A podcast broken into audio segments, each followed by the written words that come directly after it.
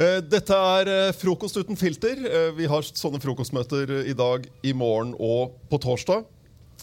Eh, Og i år, som i fjor, åpner vi med selveste tsaren av Arendalsuka, Øystein Djupedal, som Velkommen opp. Skal vi stå her eller der, eller? Du kan stå akkurat hvor du vil. Når du befinner deg i nærheten av, av scenen. Jeg kan stå her.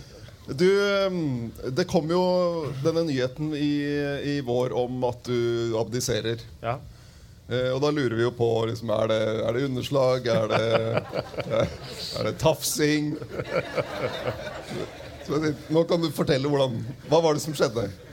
Nei, altså nå har jeg gjort dette i nesten ti år. Vi starta i 2010 og prøvde å få til det jeg tenkte var en programtale. Jeg jobba mye med Jens for å få ham til å komme hit på sommeren. For jeg tenkte at Hvis vi får en sånn programtale, en sånn viktig politisk tale her på Arendal, så kunne vi få det til å bli noe annet over år. Så fikk vi ikke til det. Så i 2011 så hadde vi et program. Da fikk vi partilederdebatt, og vi fikk alt. Da stoppa jo terroren oss. Og så fra 2012 har vi hatt et stort arrangement som bare har vokst. Dette har tatt fire-fem månedsverk i året på sånn dugnad og helg og sånn. Så det har vært fryktelig moro. Men så er det på et tidspunkt så tenker jeg at Arendalsuka må over fra dugnadsfase til liksom drift business as usual, som er et ord som sikkert du kjenner godt. Og da har jeg tenkt at da er det viktig at entreprenøren går ut, altså gründeren går ut, og så får de tenke gjennom hvordan de vil Arendalsuka skal se ut fremover.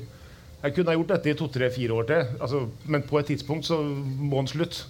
Og derfor tenkte jeg nå gir jeg meg på topp. Det kan være fint. Ja, hvor, hvor er toppen her, egentlig? Hva er toppen? Jeg syns årets eh, arrangement er helt fabelaktig. Jeg må si Det Det er 1250 arrangement, det er flott vær, det er alle er her. Eh, Det skal være vanskelig å toppe dette til neste år når det ikke er valgår. Men hvis det er omtrent som dette, så er jo det fantastisk. Det kan være et flott nivå å ligge på akkurat dette. Men det vi jo hele tida har trodd, er jo at vi har nådd toppen gang etter gang etter gang. fordi at vi tror jo ikke det er plass til flere arrangement, til flere folk. Og så er jo både Arendal og folk her ekstremt dynamisk. Altså Nå er det båtene som kommer inn, og plutselig er det masse lukarer og nye møterom. Ikke sant? Og det er jo bare et år til, så ligger det hurtigrute ut her. ikke sant? Og ligger det hurtigrute her, her, så har de jo ubegrensa med lugarer og plass.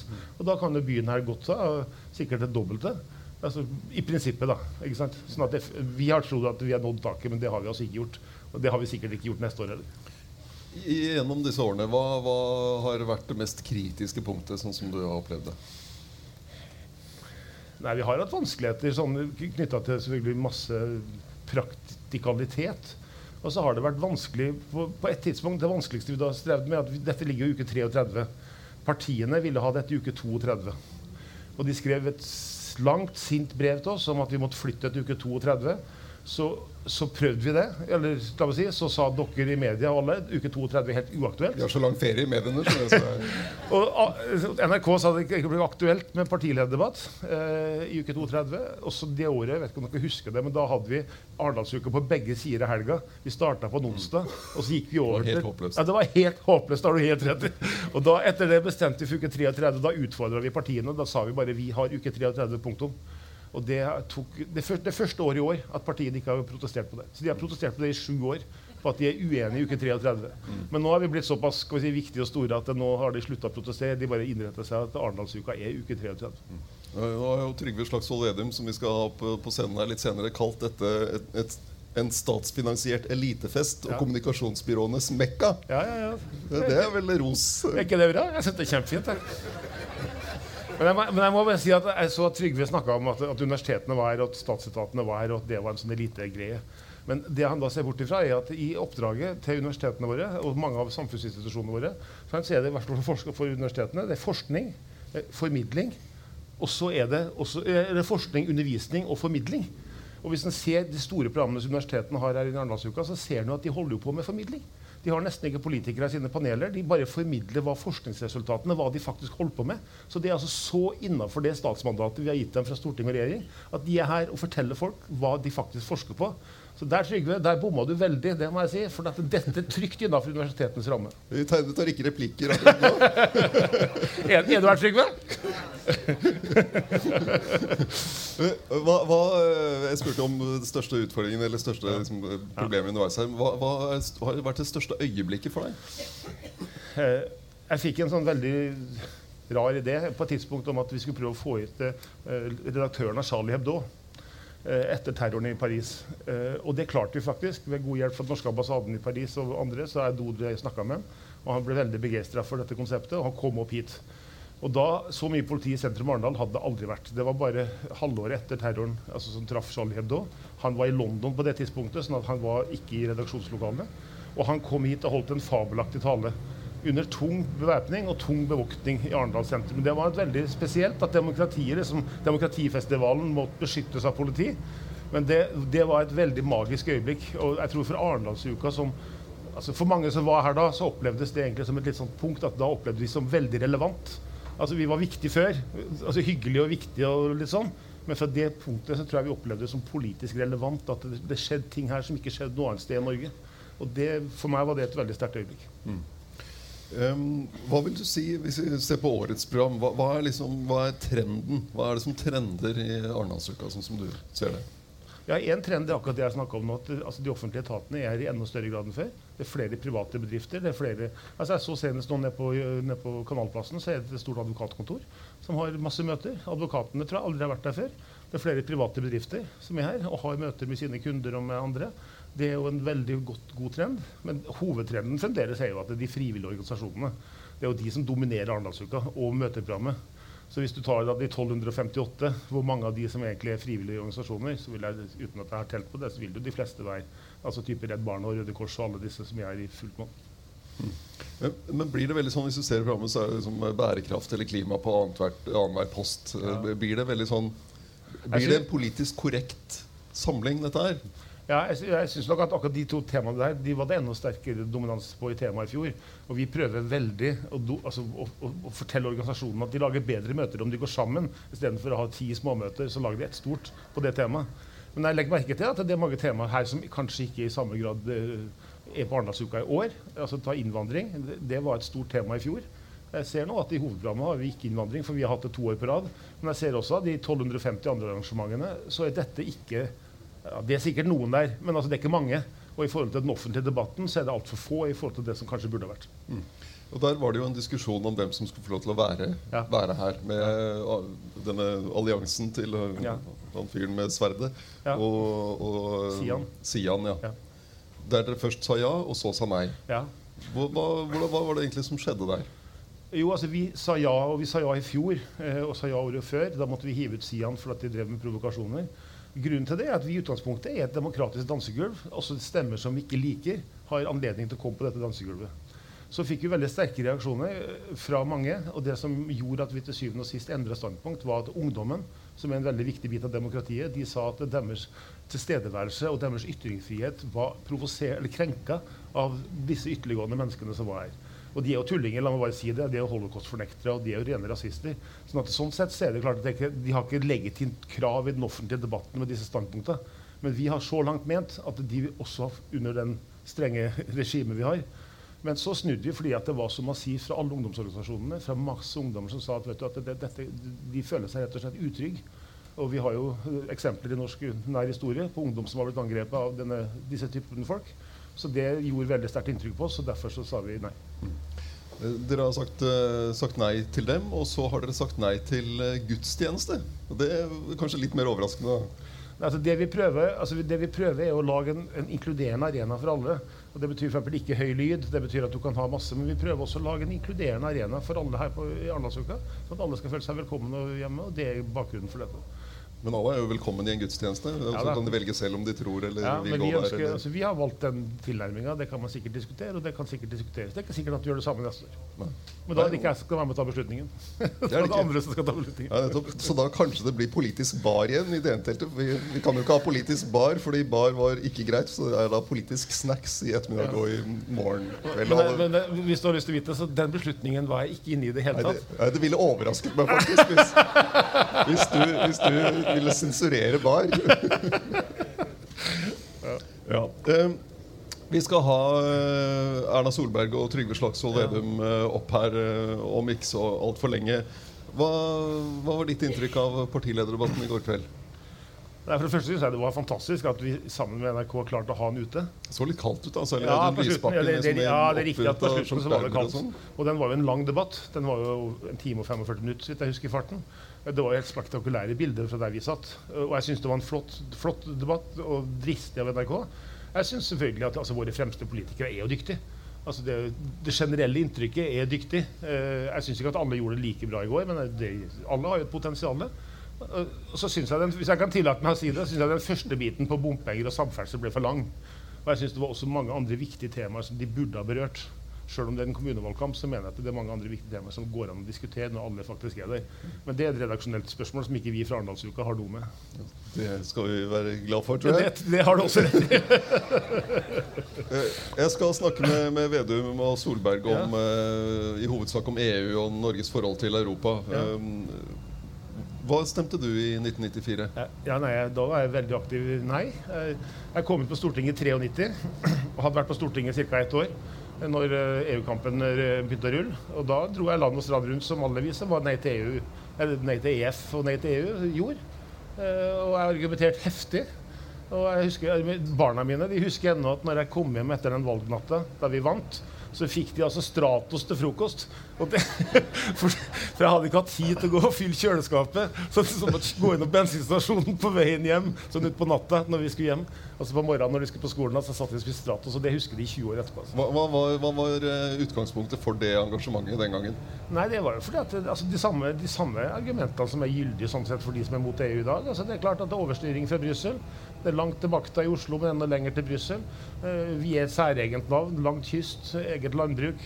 Altså det, den, det, det er de klassiske argumentene, og jeg syns at mange av disse argumentene er jo saklig sett også riktig. Men hva ville du stemt i dag? Nei, jeg ville ha stemt ja. Hvorfor det? Jeg har blitt mer og mer tilhenger av internasjonalt samarbeid egentlig i, i alle tenkelige former, eh, som har forpliktelser og binder i seg. Og Hvis du ser Putin og Erdogan og du ser Trump og du ser brexit, så skjønner en jo det at et lite land som Norge må ha forpliktende internasjonalt samarbeid med andre som sikrer både Norge og norske borgere, men som sikrer fred, stabilitet og utvikling i vår del av verden. Og Derfor er jeg for internasjonalt samarbeid som er forpliktende på handel, på sikkerhet, på miljø, på menneskerettigheter. På alle tenkelige punkt som forbedrer borgerens liv og, og, og trygghet. Og Derfor mener jeg at EU ikke er perfekt, langt derifra. Men EU er det redskapet Europa har skapt. Og vi er en del av dette gjennom EØS-avtalen, som jeg også er for. Men la meg bare si at, at jeg mener at EU er en viktig bit for å sikre fred, stabilitet og fremgang på dette kontinentet. Så derfor er villig ja. Så Derfor ville jeg stemt ja. det ville jeg gjort. Og derfor mener jeg også at EU og denne EU-debatten som på et eller annet tidspunkt bør komme, bør nok ha mer av dette i seg. Øystein Djupedal, tusen takk skal du ha. Ja, Veldig hyggelig å være her.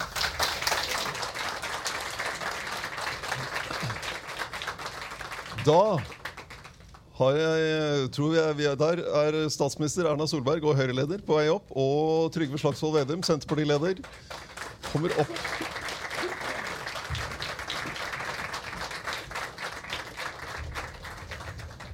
Velkommen. Takk. Hyggelig.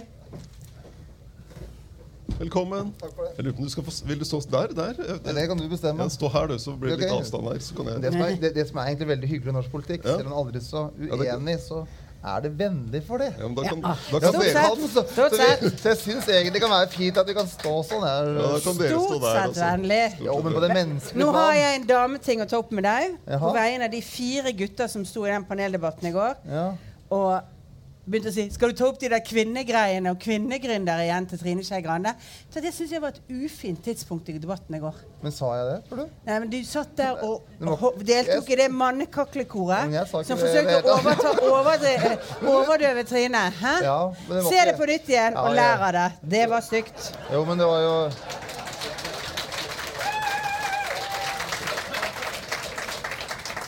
Men eh, hvis du ser det på nytt igjen, du Erna, så ser du at det var en av mennene som ikke sa det. Det kan være. Ja, så, så, så, så, Jeg skal, jeg skal ta det på så jeg ta ansvar for de Jeg ble bare veldig sik- er du sikker på provosert. at- Er du sikker på at han ikke gliste? Ja. La meg si det sånn. Det er det vel lite sannsynlighet for at han ikke gjorde. Ja, ja, ja. Men det som er litt sånn, eh, det som er litt sånn hyggelig, da altså når jeg var uh, ny stortingsrepresentant og skulle flytte til Oslo, Og da uh, flytta jeg leiligheten under, uh, under Erna. Og så, det, På det tidspunktet så abonnerte jeg fortsatt på Donald. og mannen til Erna Sindre han eh, likte også Donald, så jeg ble i familien Solberg eh, Finnsnes. Var jeg da Han heter fortsatt Donald-mannen hjemme. Donald. så det, så det, jeg syns sånne ting er litt koselig, da. eh, Altså, med norsk politikk. Så at, og når alltid jeg skulle skifte dekk på bilen, så kom Sindre ut og prata. Og sånt, så det var litt de første åra i, i Oslo på Stortinget. Så er han nærmeste nabo. Ja, Men vi ser ikke så mye politikk da, da. Mer Nei, diskusjon om det politikk gjelder nå. ikke Det gjelder å skille Skille i privat- privatbiten. Ja. Ja. Ja, Dere har fått terningkast i natt. Du fikk eh, en treer i Dagbladet og treer i VG, Vedum. Det er jo seks til sammen. så det er jo ikke Ja, så gærent. er ja, det ja, man skal, være, man skal være forsiktig med å bruke statistikk. Så jeg, eller, nei, men det, sånn er det jo, da. Altså, hvis man driver med de her rollene som både Erna og jeg har Jeg bruker fornavn, for det er sånn det er i Norge, heldigvis. Så skal det ikke være så veldig selvhøytidelig, for da blir det slitsomt. Hvordan, hvordan, hva, hva gjør de terningkastene med deg? Ikke så veldig mye. Jeg syns egentlig at den debatten i går ble ganske håpløs.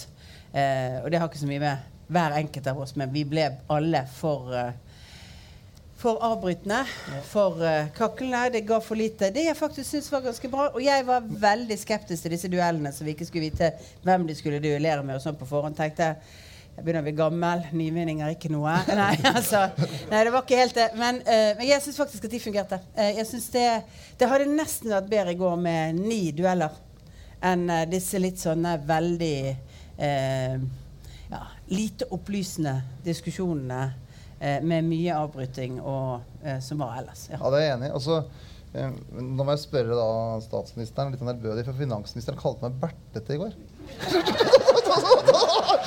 altså, hva er regjeringas standpunkt? Er jeg bertete, eller? Hva- Så var det sånn. Altså- det var, jeg skjønte ikke helt hva men jeg føler meg veldig lite Altså- bertete. Eh, altså det er ikke en del av en bergensers vokabular. Det er sånn østlandsprating. Vi ville kanskje kalt at du var hyperkjekk, altså at du kjekket deg opp. Sjekke seg opp, ja. Du sjekket deg opp, ja. Det vil kanskje at det. Men det, det gjør han jo. Ja. Så- Det, er jo, det har han jo holdt på med et par år nå. Så, sånn han, er blitt, han er jo blitt en slags sånn fungerende opposisjonsleder i Jonas Gahr Støres fravær. Ja, jeg må si det jeg mener, og så vil Jonas si eh, hva han mener. Og så, Jonas har nok litt oftere vært enig med regjeringa enn meg. Så sånn sett har jeg vært litt mer i opposisjon, ja. Ja, Men nå er han ikke enig med regjeringen lenger om politireform. Det, ja men det kaller jeg framskritt. Han burde hørt på meg i 2015 istedenfor å høre på Erna. men nå står han da akkurat sånn som deg uten et svar på hva man skal gjøre med politiet. Åh. Nei, men hvis du tar altså, altså det, Diskusjonen om politi, forsvar, det her grunnleggende beredskapsenhetene er veldig vanskelig. For det er jo den viktigste jobben vi som politikere har, er jo grunnberedskapen til befolkningen. Og det som er en utfordring, som du så sånn i går, når Politiets Fellesforbund hadde spurt alle sine lokallag om hadde politiet kommet nærmere, hadde tjenesten liksom blitt nærmere, sånn som Erna Solberg sa i 2015, så svarte alle politidistriktene nei. Og det er jo det som har vært min påpekning hele tida, at når regjeringen kalte det en nærpolitireform, og det var sentralisering som var svaret, så mener jeg at regjeringa var ærlig på hva de ville. For det er en ærlig sak å være uenig, men ta ulike standpunkt. Men regjeringa mente at sentralisering var, et, var svaret, og da bør hun heller si det. For du skaper også dårlig styring av en etat hvis du sier noe og gjør noe annet. Og det har regjeringa gjort i politireformen, og de som har Vi uniformen har- på, har veldig stor uro. Vi har aldri lagt eh, vekk det faktumet at en del av politireformen dreier seg om kraftsamling av ressurser for å ta grep rundt de nye formene for kriminalitet som er. Eh, Det er noe av det aller viktigste vi gjør. For kriminaliteten har jo flyttet seg fra gaten til nettet. Altså jeg må si jeg var i Trøndelag for noen, for, for, i forrige uke. Da hører jeg altså at Trønder, altså politiet der oppe de har altså dokumentert at 1000 trøndere i løpet av det siste året har lastet ned grove overgrepsfilmer og materiale. 1000 trøndere. Det er sannsynligvis i størrelsesorden altså Det er like mange nesten som kjører for fort. Eller altså, gjør annen type kriminalitet som vi tenker ikke er sånn. Men dette er grov kriminalitet. Dette er voksen utfordring. Dette kan de nå finne ut av fordi de har kraftsamlet ressurser til å jobbe inn på nett. Det er en del av denne reformen. Den andre delen av reformen er bedre beredskap ute. Bedre trente eh, politifolk. Sånn at vi kan gjøre noe med det vi opplevde 22.07. At vi har politisentraler som er oppbemannet og kan ikke sitte med gule lapper, men har systemer som faktisk kan fungere, og hvor det er mange på vakt til enhver tid. Dette er Noe av det betyr kraftsamling rundt et sted, fordi de må sitte sammen når de gjør det. Men mye av det betyr også kvalitet for å være nær ute. Og Arne Johannessen har skrevet Arne Johannessen altså, han stilte til valg i forrige kommunevalg, tror jeg, som ordførerkandidat i Sogn og Fjordane for Arbeiderpartiet. Han, er, han har skrevet noen innlegg på, på Facebook som jeg syns burde vært lesverdig for deg, Trygve. Hvor han sier det synlig og nært politi. Det dreier seg om å være der kriminaliteten er, og der overgrepene skjer. Hvis de skjer på nettet, hvis vi da har synlig politi på nettet som griper inn, som går på døren og snakker med folk, som sørger for at de som er i faregruppen altså Trøndelag man si veldig enkelt. Vi er nødt til å lete etter de som har tilgang på barn. Når vi har 1000 som har lastet ned det, så må vi gjøre analysen av hvem har tilgang på barn som kan gjøre overgrep. Og så begynner de med det, det som er lærere, de som har barn selv, de som er idrettsledere og sier vi klarer ikke å ta runden med alle disse tusen. Mm. Men dette er en del av denne reformen. Og jeg syns egentlig at den kvalitetsbiten bør diskuteres bedre. Nesten få svare. Ja. Og så skal vi gå over til fjernpolitikkreform etterpå. Fjernpolitikkreformen, ja.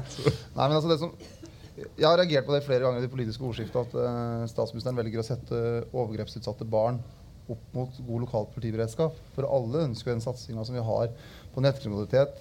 Og Det har skjedd en veldig store forbedring når det gjelder offeromsorg en helt annen forståelse av det som før kanskje ble kalt husspråk. At nå det, tar politiet på en helt annen måte alvor og tar tak i det.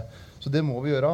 Og det, det er ingen uenighet heller om Erna Solberg. Men, men det som er men, det, det, er den stor, men det som er en stor uenighet om, er nettopp at man ikke skal ha tilstedeværelse og beredskap i alle deler av landet. Og når 80% av de som har uniformen på, sier at beredskapen enten har blitt dårligere, i hvert fall ikke bedre etter reformen 90 sa i en undersøkelse at det forebyggende arbeidet har blitt dårligere, i hvert fall ikke bedre etter reformen. Og I går så sa alle, alle politidistriktene ifølge Politiets Fellesforbund at det forebyggende arbeidet har blitt dårligere. Og da er det én ting slagordene, intensjonene, de kanskje litt fine bildene du også får som statsminister når du møter eh, politimester og andre.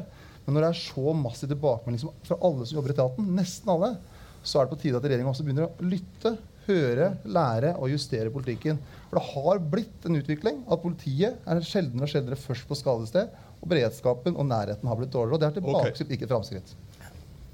Det, det er, jeg har godt svart på det, men altså bare si det sånn Det er da, da, politi, blir vi aldri ja, men ferdig med. Jo, men Veldig kort, da. Politiressurser er selvfølgelig som begrenset ressurs, selv om vi altså har økt med over 1600 flere ansatte med politifolk. Og, jo, men, jo, men altså, poenget er at vi har økt med mange.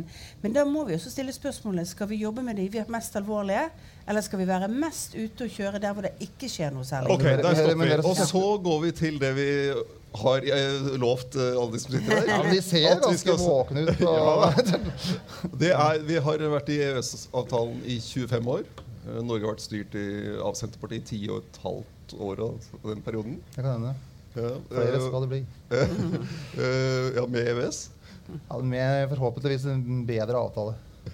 Det er 25 år siden i høst Norge sa nei til EU-medlemskap. Og denne høsten kan britene komme til å gå ut av EU. Eh, I løpet av sommerferien så fikk jo britene en ny statsminister, Boris, Johnson. Og uh, Solberg kalte ham en vittig og morsom politiker. Det høres ut som du kanskje heller ville ha ham som toastmaster enn som statsminister?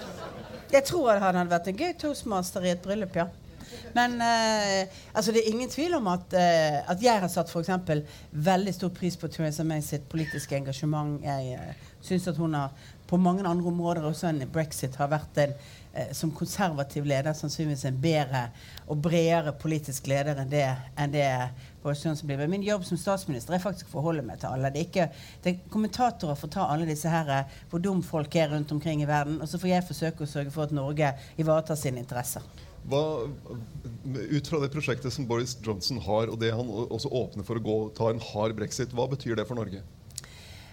Nå har vi jobbet mye med det fra regjeringens side. Eh, det for å forhindre de verste konsekvensene av det. Derfor har vi en rekke avtaler som vi både har undertegnet, og som vi har liksom forhandlet ferdig frem i tilfelle en hard brexit. Det betyr at på dag én så vi, stiller vi bedre enn mange andre land fordi vi har gjort jobben.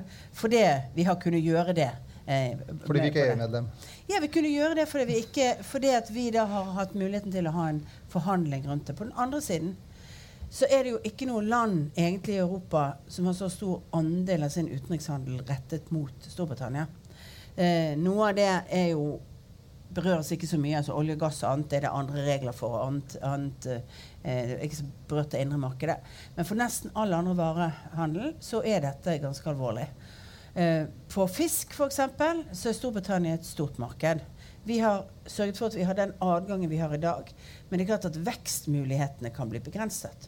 Og når, eller hvis, hard brexit skjer, så kommer vi i en ganske kaotisk tilstand. For vi får helt andre altså Vi skal gjennom tollklareringer, vi skal gjennom kontrollsystemer hvor også alle andre land som ikke har disse tingene, skal igjennom. Det betyr at vi kommer til å få større vanskeligheter. Og tjenestesiden klarer vi ikke å regulere på samme måten, eh, fordi den er så avhengig av indre markedsregelverk. Og så er Den langsiktige utviklingen er jo at beveger Storbritannia seg veldig annerledes enn det indre markedet, ja, så blir det vanskeligere for norske bedrifter. Eh, blir mer byråkrati, mer, eh, tar lengre tid, blir vanskeligere å få det til. Vedum, hva tror du, hva blir konsekvensen av en hard brexit for Norge? Altså, som eh, Erna Solberg også sa, da, så har vi handlefriheten til å ha egne forhandlinger med Storbritannia som ikke-medlemsland. Så det er veldig mye opp til oss sjøl òg. Altså, nå er jo ting litt kaotisk, og får vi se hva som skjer. Og så får vi håpe at det ikke blir en hard brexit. Vi får jo håpe at man klarer å sette seg ned og forhandle og komme fram til en løsning. For det er det aller beste, og det er den europeiske tradisjonen. At man snakker sammen, finner løsninger. Er enige om det man er enige om, uenige om det man er uenige om. Så det er jo ingen som kan ønske seg en hard brexit. For husk at det, Storbritannia, Tyskland, Frankrike At de landene klarer å bli enige om en avtale. For i praksis er det jo de tre landene som sitter med hovednøkkelen her. Det hadde vært av det gode for alle. Og så eh, blir det en hard brexit, så ligger jo ansvaret både på britisk side, selvfølgelig, men også på EU sin side. Og jeg tror nå grunnen på at EU kjører så hardt, er at de er redd for å gi en god avtale eller gi noen konsesjoner i Storbritannia. helt tatt. Jeg er redd for at de får en smitteeffekt. For at motstanden mot EU i mange land er hard. Og det merker vi også når det er de andre nordiske land. At en del av våre nordiske kolleger de ønsker ofte en smalere, mer effektivt EU mer sånn den norske debatten. Mm. Mens da i Frankrike og Tyskland en mer føderalt EU. Så, så jeg håper at de kreftene som er f.eks. i Sverige, Norden, får mer gjennomslag også i EU. At man ser at man må gå motsatt vei. At man skal sentralisere mer og mer makt. Og det er den, jeg tror det, den eh, kampen vi ser nå, handler mye mer enn om bare relasjonen London-Brussel, men det handler om også hele veien for EU framover. Sånn som jeg har hørt uh, dere i Senterpartiet, så har dere vært opptatt av at nå må man respektere den folkeavstemning, folkeavstemningsresultatet som var i, i, Storbritannia, og at de skal ut av EU. Ja. Men, men, hva betyr det egentlig? For hva, De sa jo at de skal ut av EU, men hva, brittene, hva slags løsning sa britene ja til? Altså, Vi er ikke en del av britisk politikk. og vi men, Siden dere sier at man skal respektere denne folkeavstemningen, og er opptatt av det, ja, så, så punkt nummer én, så, Vi var jo uenige sånn som Erna Solberg valgte å bruke posisjonen sin før eh, brexit-avstemninga. At eh, hun som statsminister i Norge skulle bli en aktør i den britiske valgkampen. For det må det britiske folk bestemme. Du var der, du òg? Jo, jeg var der i akkurat den dagen det var votering. Altså, okay, var, jeg tror ikke det påvirka no, en halv stemme. Ah, egentlig. Jeg var der kvelden. Jeg var vel sammen med Espen Aas, tror jeg. jeg er ikke helt sikker. Han er i lo, eh, lokale foran uh, i London liksom på ettermiddagen. Espen Aas bekrefter her fra bakre rad. Ja. ja. Han er en hyggelig mann. Men hva betyr det, hva betyr det å respektere en folkeavstemning? Det, det, eneste man vet, var at et flertall sa at de skal ut av EU, men det var ingenting på bordet om hva, slags, uh, hva de skal ut til. Ja, men Det må jo britiske politikere som var en del av brexit-kampanjen, svare for. Altså, Senterpartiet i Norge kan ta ansvar for mye, men altså, vi kan ikke ta ansvaret for det konservative partiet i England. Altså, det, altså, det er nesten Erna nesten svarer mer for det. Altså, vi, det poenget er at vi, altså, det som, og det er hele diskusjonen om EU. for at det, eh, Ofte så blir jeg spurt ja, vil du at hele EU skal gå i oppløsning. eller det her, Er det sånn mot, mot EU? Men poenget er at det jeg svarer for, er hva Norge, hva jeg mener er bra for Norge. Mener jeg at Norge skal bli EU-medlem? Og da mener jeg svaret på det er nei. Og der har vi ulike syn.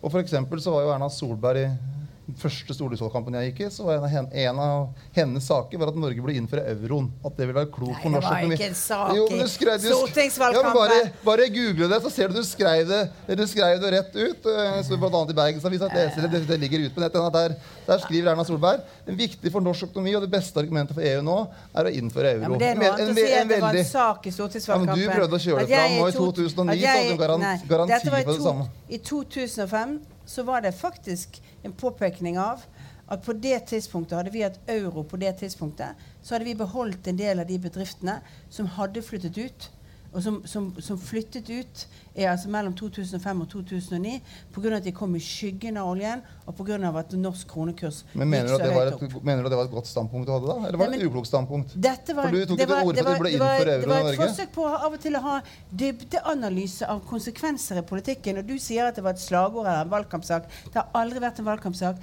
Men vi påpekte det faktumet at hadde, at norsk, altså hadde vi med vår oljeøkonomi vært en del av EU, så ville vi hatt en, ikke hatt den samme typen utfordring på kronekursen for mange tradisjonelle norske bedrifter som faktisk la ned og flyttet ut av landet i en periode hvor det var stor vekst i norsk oljeøkonomi. At det altså ville virket bedre for bredden av basisen i norsk økonomi på det tidspunktet. Men forstår jeg deg rett at du mener at det har vært rett, sånn som du skrev da, at Norge skulle innføre euro? Mener du det fortsatt hadde vært rett? Eh, Vi, vi sa at det hadde vært en fordel i forhold til utflyttingen av norske bedrifter. Og det du gjør, er nå å gjøre norsk politikk til bare sånn slagordpreget. det Istedenfor å det er analysere hva, hva som er de økonomiske, dynamiske kreftene. Jeg Jo, mener men at vi skal jo, altså, det beholde er altså, Egen valuta er noe av det viktigste i en økonomisk politikk. Ja. Og hvis du ser når oljeprisfallet var i norsk økonomi, hva var den viktigste bufferen da? Jo, det var nettopp at du hadde egen krone. Hvis Mm. ikke så måtte du eller jeg stramma inn voldsomt i statsbudsjettene for å klare å få opp samme, Men samme du kraft glemmer det punktet at, punktet at euroen aldri ville vært så høy som den norske kronen gikk mot euroen på det tidspunktet hvor dere satt i Men du regjering. jo at- Og Ok, da hadde du beholdt konkurransekraften. der, der er det jo rett og slett sjef Jeg mener det er en stor styrke å ha krona. Og du eh, fortsatt vil ikke ta avstand fra at du mener at det hadde vært lurt å innføre euroen. Jeg mener det er uklokt. Eh, om EØS-avtalen så er det jo en debatt som, eh, som går eh, særlig i Fellesforbundet, eh, med en uro rundt EØS-avtalen. Eh, og nå se, ligger det an til at det som kommer som et kompromiss på landsmøtet, er et vedtak om eh, krav om utredning av alternativer til, til EØS-avtalen. Hvordan forklarer du den uroen som er i en del av fagbevegelsen for konsekvensene av EØS-avtalen? Solberg? Jeg opplever at det kommer som en konsekvens av at det på arbeidsmarkedet eh, skjer endringer som, som i en del bransjer er utfordrende. Eh, Det ser vi innenfor lastebilområdet, altså innenfor kabotasjespørsmålene. Eh, Vi har sett det innenfor andre områder hvor det blir større grad av internasjonalisering, så er det en uro knyttet til det. Og så, og da sier Hans Christian Gabrielsen, LO-lederen, at regjeringen ikke har utnyttet det handlingsrommet som ligger i EØS-avtalen på de områdene. Jo, og det har vi jo gjort. Vi bruker jo det. Eh, og vi bruker handlingsrommet. Vi jobber mot arbeidslivskriminalitet. Vi jobber i forhold til EU. Vi har tatt initiativ overfor EU knyttet til større fokus på det som er arbeidsmiljøkriminalitet og på utnytting, eh, eh, utnyttingen av arbeidskraft. Vi har nettopp en aktiv agenda overfor EU-land knyttet til disse spørsmålene. Det som er en utfordring, det er når, når f.eks. et bemanningsbyrå kommer med folk til Norge. Og, og vi kommer til å trenge bemanningsbyråer i topper i verftsindustrien på Vestlandet. Det har vi hatt lenge før EØS-avtalen. Vi hadde jugoslaver og finner og mange som kom for å hjelpe oss med toppene i, i, store, i store utbyggingsprosjekter. Sant? Men det som er utfordringen, sant, er jo at hvis ikke myndighetene de hjemlandene følger opp det vi finner av kriminalitet, så blir det vanskelig. For vi er nødt til å ha den de landene. Derfor jobber vi systematisk med disse spørsmålene. Så mener jeg også at det er masse, masse som er feil. at Hvis du ser på norsk konkurranseutsatt næring, så vil jo det å ikke ha EØS-avtalen være en utrolig sårbarhet. Og jeg ser jo at det er ganske klare og tydelige standpunkter om det. Altså Klubbledelsen på Sinken i Odda som sier jo helt tydelig at uh, det vil være en katastrofe for de hvis de ikke har EØS-avtalen. De tror også sine utenlandske eiere da vil kan begynne å se på investeringer andre steder enn de fortsetter å investere der, fordi frykten er større. Og eksempelet er jo ganske greit. Vi klarte å unngå å få mottiltakene på, på stål, aluminium, som EU satte i gang mot EU, Storbritannia sin, sin uh, holdning, fordi vi har en EØS-avtale, fordi vi har et godt politisk samarbeid, fordi vi jobber sammen. Mm. Den ståltålen som, eh, som var EUs svar på Donald Trump. Uh, Der slapp jo uh, Norge og de andre EØS-landene unna pga. EØS-avtalen. Hva tenker du om det? Jeg tenker Når det gjelder punkt én, så utfordra du på hvorfor ja, jeg, ja, altså, du skal få ta dette med Ja. Fellesforbundet også, men akkurat det med ståltollen det er ganske viktig for en del norske industriarbeidsplasser. Ja, og det, som er, det er jo både norsk og tysk for eksempel, eh, interesse at vi har tollfrihet når det gjelder stål. Ja, men Fordi at- Cecilia Malmström, eh, som er eh, altså handelskommissær i EU, har sagt tydelig at grunnen til at Norge slapp den ståltollen, er at vi er med i EØS-avtalen. Vi har jo hatt tollfrihet på industriprodukter også før vi inngikk EØS-avtalen.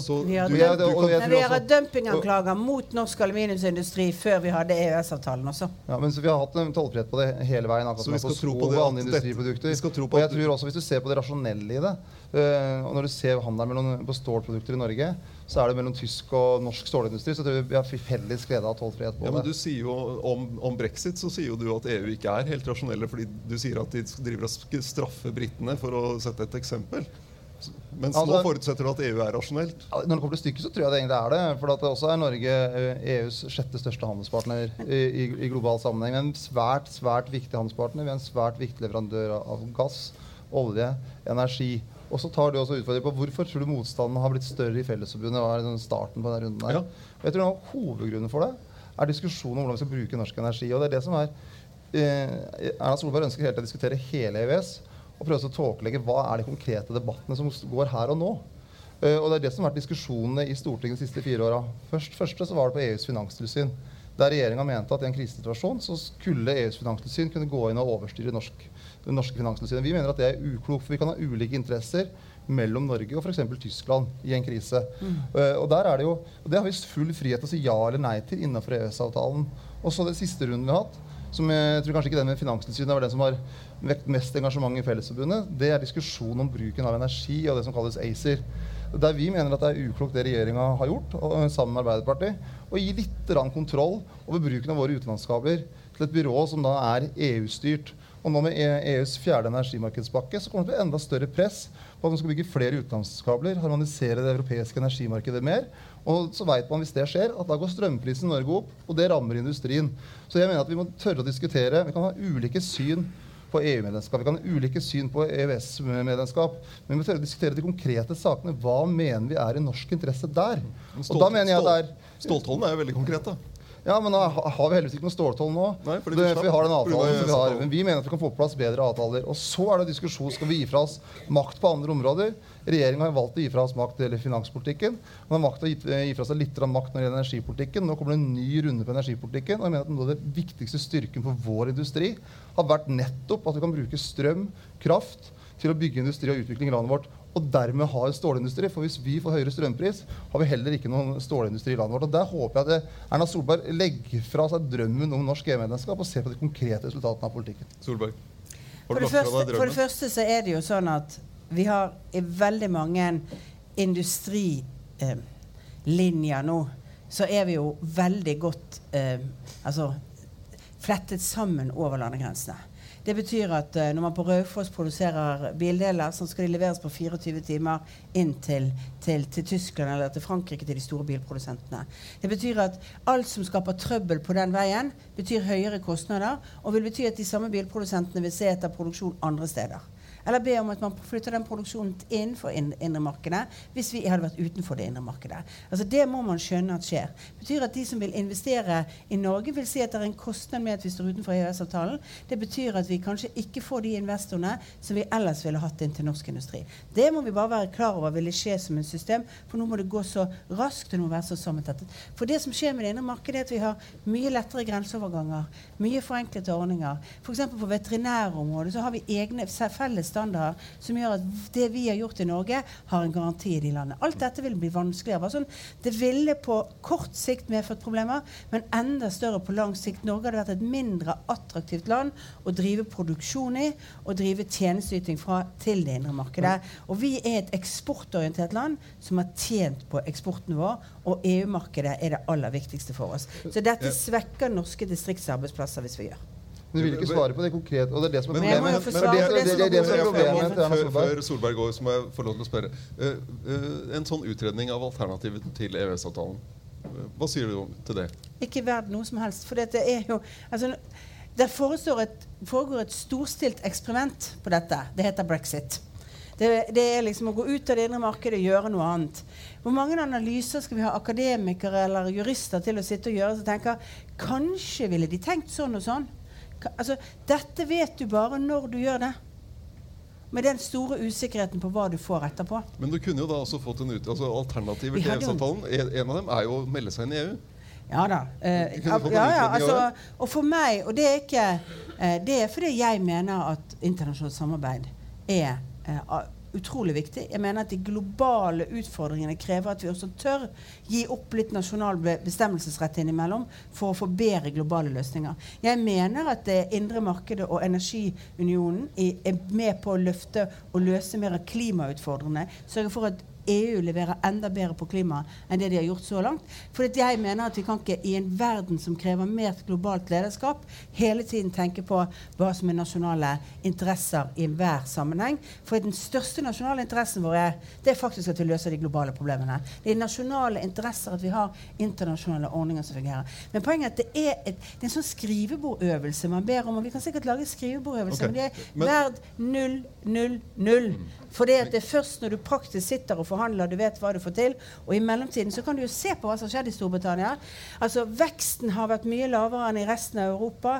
Folk flytter ut bedrifter, de etablerer seg innenfor det indre markedet. Du skaper massevis av usikkerhet rundt dette spørsmålet. Men altså, heldigvis da, så har ikke vi gjort som eh, Storbritannia gjorde i 72, melde seg inn i EU. Så vi har, vi har meldt oss inn i det indre Vi har aldri, vært medlem i EU og har derfor også større, større handlefrihet.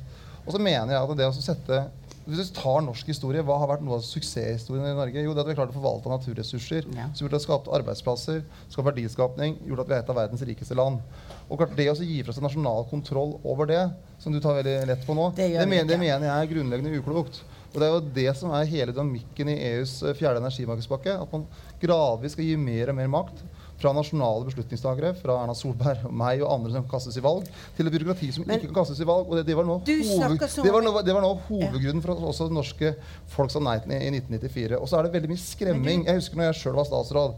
Så endra jeg eh, tollvernet for å sikre norsk næringsmiddelindustri, norske arbeidsplasser. Ostetollen? Ostetollen, ja. Det, DN var ikke så glad i den. Jeg Og den har vært et fikk- problem for oss fikk, siden. fikk 50 ledere på det. Men poenget når da Erna Solberg kom inn i regjering, så sa han hun skulle fjerne den med dag én. Vidar Helgesen reiste ned til Brussel og sa liksom pardon, pardon, liksom for at han forferdelige norske statsråd som har vært der, hadde stått opp for norsk industri og norske interesser. Men når det kom til stykket, så fjerna den ikke, for dere ser hvor viktig det er for Norges største fastlandsindustri. Og så tenke hvordan kan vi styrke også våre interesser, akkurat som Danmark styrker sine interesser, eller Tyskland styrker sine interesser.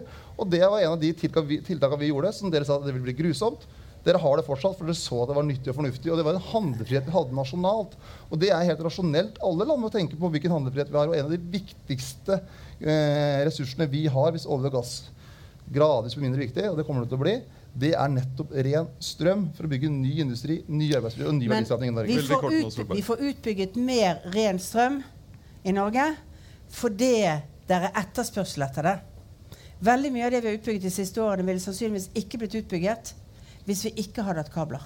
Hvis vi ikke hadde visst at vi også kunne ha en pris som var stabil fremover. Og så er det jo viktig å si at en del av det vi utbygger nå, f.eks. det som jeg ofte hører Senterpartiet si, det er tyske investorer som bygger, bygger eh, vindkraft eh, i Nordland. Ja, de går rett inn og har avtale med Alcoa, sånn at Alcoa får stabil, langvarig kraftpris som de kan forholde seg til nettopp i sin industriproduksjon. Det å vite at du har avsetning på kraften, det er kanskje det mest avgjørende for å utvikle den rene kraften vi har i Norge. Både vannkraft og andre typer for kraft. Og da kan du ikke bare belage deg på det norske, for der har vi egentlig overskudd på kraft.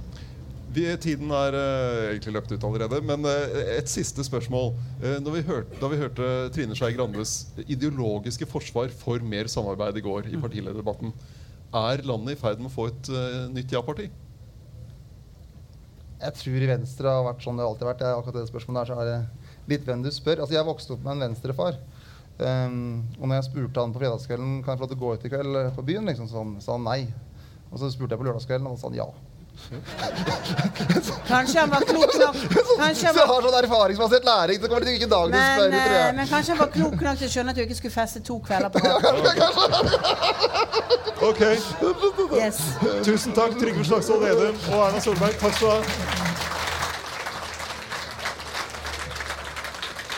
Og det blir eh, ny frokost uten filter her eh, i morgen tidlig. Da er det klimaaktivisten og klimaforskningen som møter Equinor og SAS for å snakke om flyskam og klimastreik. Vel møtt da også. Takk skal du ha.